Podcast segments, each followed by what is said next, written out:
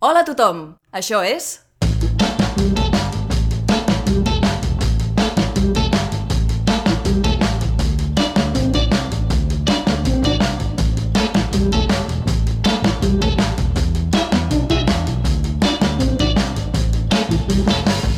Verícid sulfúric.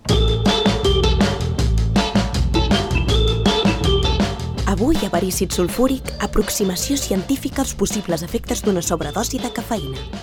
Escrita per Anna Ferrer Albertí, Vicent Ortega i Pau Pérez.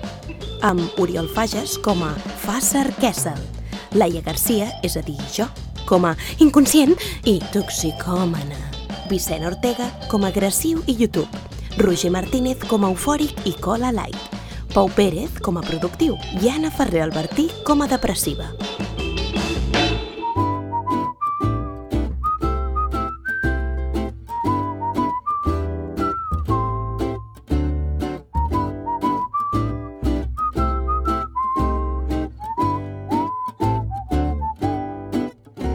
Guten Tag!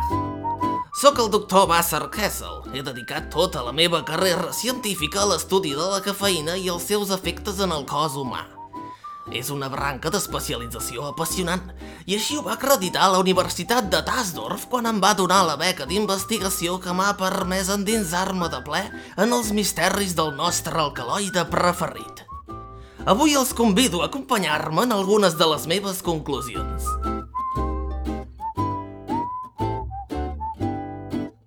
La cafeïna pertany al grup de les xantines i actua com a droga psicoactiva. Va ser descoberta el 1819 pel meu compatriota Friedrich Ferdinand Runge. Els humans la consumim com un estimulant, ja que produeix un efecte temporal en la restauració del nivell d'alerta i eliminació de la somnolència, així com, en certs casos, l'habilitat de predir el futur i o passar-se al Super Mario 1, el bo, sense que et matin ni una sola vegada. La cafeïna es pot obtenir a partir del cafè. Poden filtrar els continguts d'una tassa de cafè i en trauran cafeïna.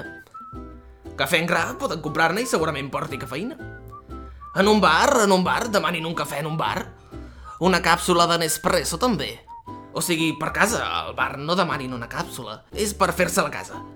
Si tenen cafetera Nespresso i si es volen prendre la cafeïna, que si no la tenen allà, la càpsula, i és igual. En poden fer el que vulguin de la càpsula. I bueno, per dosis més fortes ja haurien d'acudir al que ve a ser el mercat negre. Eh, és il·legal, eh? No els estic incitant. No estic insinuant res, però el mercat negre és una realitat. I sobretot, si volen cafeïna, no comprin cafè descafeinat. Molta gent em pregunta Doctor Basser Kessel, com és patir una sobredosi? Què se sent? Com, com sé si estic malalt? Precisament sóc aquí per resoldre les seves inquietuds. Aquest estudi, amics meus, està dedicat precisament als possibles efectes d'una sobredosi de cafeïna. Alguns dels símptomes que revelen una sobredosi són dificultat respiratòria, canvis en la lucidesa mental, confusió, Eh? convulsions, diarrea, Hosti, vertigen, febre, al·lucinacions, cogombres, tot és ple de cogombres. augment de la micció, batecs cardíacs irregulars, problemes per dormir, Qui sóc? vòmits i Mary Poppins.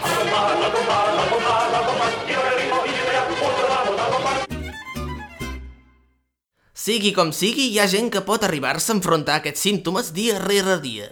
Els cafeinòmens, els autèntics addictes.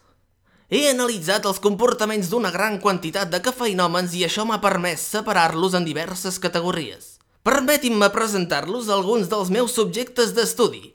Sentiran declaracions autèntiques de com viuen la seva dependència. El primer tipus, el que encapçala la nostra classificació, és l'anomenat Timidus Sumnesio. Comunament se'l coneix com l'inconscient. Jo, cafeinòmena, jo, diu. Què va? Si jo no tinc cap problema amb el cafè. El cafè el preparo, el poso a la tassa i me'l bec. Me l'empasso, me'l bec i em quedo tan tranquil·la. No em fa res a mi el cafè. Vull dir, en tot cas serà el cafè qui té un problema amb mi. Però jo amb ell, no, no, home, no. I ara, a veure, hi ha algunes persones que diuen que em poso una mica nerviosa, però crec que és una cosa normal. A tothom li afecta, més o menys, però a tothom li passa factura. Jo no crec que el meu cas està aquí per sobre de la resta. Que sí, per què em mira així? Doncs em noto super tranquil·la, com si dormís. Li hagués d'explicar tot el que sento ara? Que és vostè, un metge? Jo em noto normal, estic normal, com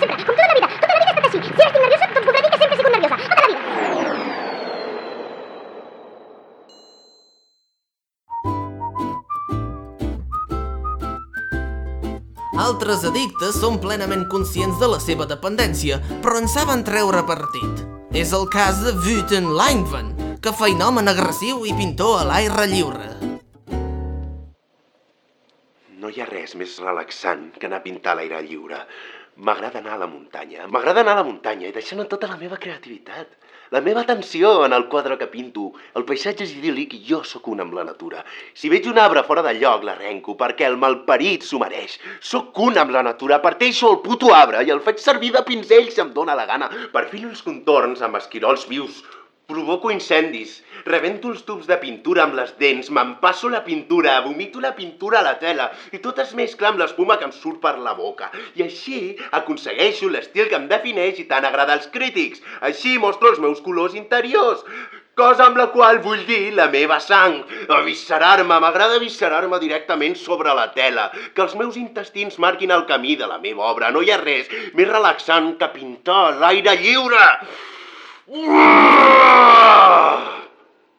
reaccions emocionals desproporcionades són molt comunes entre els cafeïnòmens. El consum prolongat arriba a generar una resistència total als efectes estimulants de la cafeïna, cosa que, en alguns casos, acaba derivant en un estat de confusió i de ballada emocional en l'addicte. Em costa recordar un moment de la meva vida on hi hagués aquell clic. Sap què vull dir? Quan t'aixeques al matí i ja portes una estona despert, però de cop i volta dius «Oh, bon dia, sóc conscient dels meus actes, quin sol tan maco, quines torrades tan bones, avui potser aniré a nedar». No, per mi fa anys que no és així. No prenc cafè per sentir-me desperta. Prenc cafè per existir. Sense un got a la mà i una cafetera al foc, sóc només una massa informe de carn i llàgrimes i sentiment de culpa que s'arrossega pel món sense cap propòsit ni consciència. Sóc un manyoc d'òrgans que bateguen dèbilment i demanen socors amb xiscles inaudibles. Sóc una bassa abans que un ésser humà. Sóc improbable. Sóc absolutament innecessària. Sóc... Sóc... Si em permet que l'interrompi, com aconsegueix sobreposar-se aquests sentiments una vegada s'ha pres el cafè? Oh, el cafè em recorda que fet i fet totes les nostres existències són ridícules i, per molt que intentem pensar en el cosmos com un tot ordenat, la vida no és res més que una experiència absurda i decebedora en la seva major part. Un tràmit sense cap mena de sentit, vaja. Som nosaltres els que establim connexions inexistents i ens expliquem contes els uns als altres per poder dormir tranquils. Cada dia arribo a la conclusió que és millor viure amb el pes d'aquesta certesa sobre les espatlles i riure'm silenciosament de tot aquell a qui li queda esperança que no pas continuar enganyant-me i tenir por de la mort a cada instant. Però, vaja, jo no sé gaire de ciència, vostè em dirà. Doctor Vasserkessel? Disculpi. El següent cas és un dels més preocupants. La dependència es tradueix en eufòria. L'addicte accepta la cafeïna com un element molt important a la seva vida. Potser inclús un gra massa. Ho entenen, un gra massa? El cafè és sensacional, no? Avui dia, qui no sap què és el cafè? Ens porta ajudant quant de temps? 650 anys i 12 dies? És que, poca broma, el cafè ens aporta el que la vida no ens ha pogut donar. Ens revitalitza, ens dona energia, dona vida. De vegades em pregunto què seria de mi si no m'hagués creuat amb el cafè a la meva vida. Li dec tant, li devem tant tots, com a societat. No em canso de donar-li les gràcies. Cada matí quan em llevo, o cada migdia després de dinar. Inclús per les nits. I cada vegada som més persones els que ho fem. No ho ha fet mai, vostè? El convido a que vingui a fer-ho amb nosaltres. Al començament ho feia jo tot sol, però ara sé que sóc un enviat del cafè. Sóc el messies del cafè. Ell m'envia per avisar-los, per protegir-los. Vol que vagi a buscar les meves robes d'oració al cafè? Sí? Ara veurà. On va, doctor? On va? I per descomptat, no podem oblidar-nos del cafeïnomen més habitual. Sé perfectament què pensen, amics meus. Doctor Basser Kessel, jo que no sóc addicte a la cafeïna només em prenc perquè m'ajuda a concentrar-me, augmenta la meva productivitat i, en general, millora el meu ritme de treball. Bé, doncs, s'han preguntat mai fins a quin extrem pot arribar un cafeïnomen productiu? Avui m'he aixecat i he dit Hans, ja n'hi ha prou de fer el gamarús. Fes una mica de neteja. Acaba l'informe que has d'entregar el dijous. Compra-li el regal d'aniversari a la Helga. Canvia la bombeta del lavabo. Fes les paus amb el teu pare. Amb la quantitat de cafè que m'he begut ho tenia tot fet abans de les 9 del matí. O sigui que m'he dit, Hans, no t'aturis aquí, estàs en ratxa, adopta un gos, declara't a l'august d'una vegada per totes, torna a la universitat, què carai, presenta't als exàmens directament. I total, he anat fent i al final m'he tret dos doctorats. He demostrat que Plutó continua sent un planeta, he establert la pau mundial permanent i he inventat un aparell que pela patates i les talla en la forma de la teva estrella de rock preferida. Jo en tinc una per cada etapa de David Bowie. Són les 8 del vespre, ha estat un dia complet i, com comprendreu, ara que he arribat al punt culminant de la meva carrera i la meva vida, l'únic que puc esperar és una davallada tediosa i un amor plàcida. I jo dic que no. Val més que ho acabem ara mateix. Ha estat un plaer. Bé, fins aquí els casos més habituals d'addicció a la cafeïna. A continuació els mostrarem els subjectes més peculiars amb qui he topat durant la meva recerca. Començarem amb el sorprenent cas que vam trobar al poble de Bernenbusch. Vegin si no és singular i sorprenent. Que si sé com m'afecta la cafeïna. Doncs clar que ho sé, però bé, ja m'agrada, no, no trobo que sigui un hàbit insà. És veritat que quan vist amb manca d'energia he pres cafè, com qualsevol altra persona, no? El meu màxim de cafès en un dia? Doncs jo diria que tres. Sí, una cosa normaleta, però és que amb tres ja m'enfilo per les parets, saps? No, com, com el vídeo aquest. Perdó, el vídeo aquest de... I és que m'ha recordat molt el de el https dos punts barra barra www.youtube.com barra watch interrogant b baixa igual a dsm majúscula f b baixa ttd g majúscula m c és que és que és que això d'enfilar-se per les parets en fi, se- segur que l'ha vist, no? És boníssim, l'ha vist tothom. Sí, el DSM majúscula F, B, T, T, D, G majúscula M, C. Com que no sap de què li parlo? I youtube.com barra watch B baixa igual a G i G majúscula A majúscula E majúscula E minúscula 3 barra baixa F majúscula T 0? Tampoc. Vol que vagi pel portàtil i li ensenyo? Ja torno. Com poden comprovar, el subjecte en qüestió reacciona a la cafeïna memoritzant enllaços a vídeos de YouTube. Però no corri, home, que si no, no li puc ensenyar. Un altre cas peculiar és la senyora Schwinde, que segur repetia els efectes d'una droga diferent cada vegada que pren cafè. Escoltin.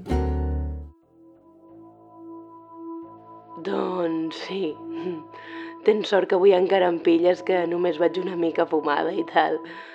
Però hi ha hagut dies molt guais. Com quan em toca algun al·lucinogen d'aquells hardcores. Que estic que ben dinat tirada al sofà flipant molt.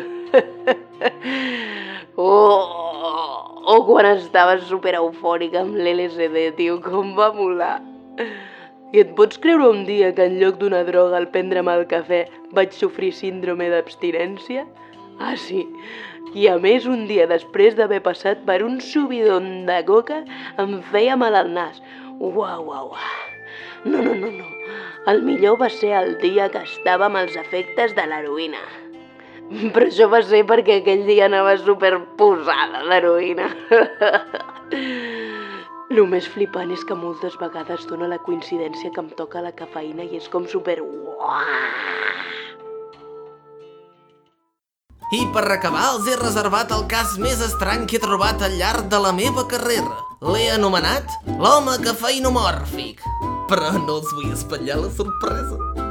Escoltin aquesta meravella de la naturalesa vostès mateixos. El cafè, diu? Doncs sí, m'agrada molt, tot i que normalment quan el prenc noto com una sensació un tant estranya a tot el meu cos. No ho sé. Em comença a picar tot i de sobte... Miri, li demostraré.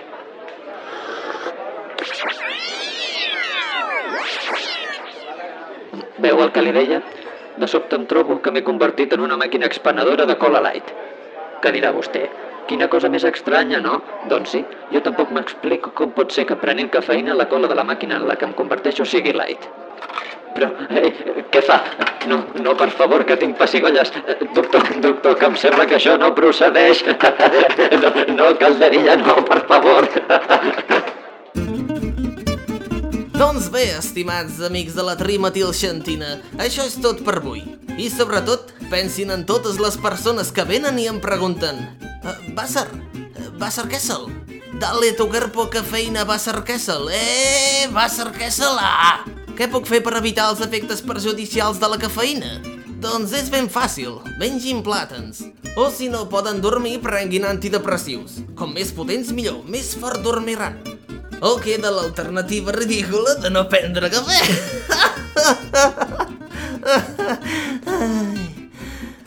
Però, en fi, aquí m'acomiado recordant-los que si tenen qualsevol inquietud sobre la cafeïna poden trucar al Toxic Center de Huffenhart i els resoldrem qualsevol problema.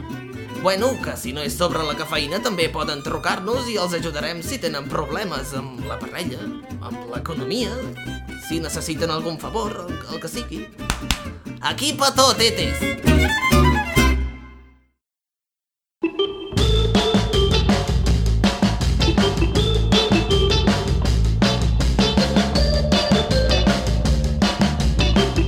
Gràcies per escoltar Verícid Sulfúric. Pots trobar totes les novetats a vericitsulfúric.com i a Facebook i a Twitter sota el nom de Verícid Sulfúric.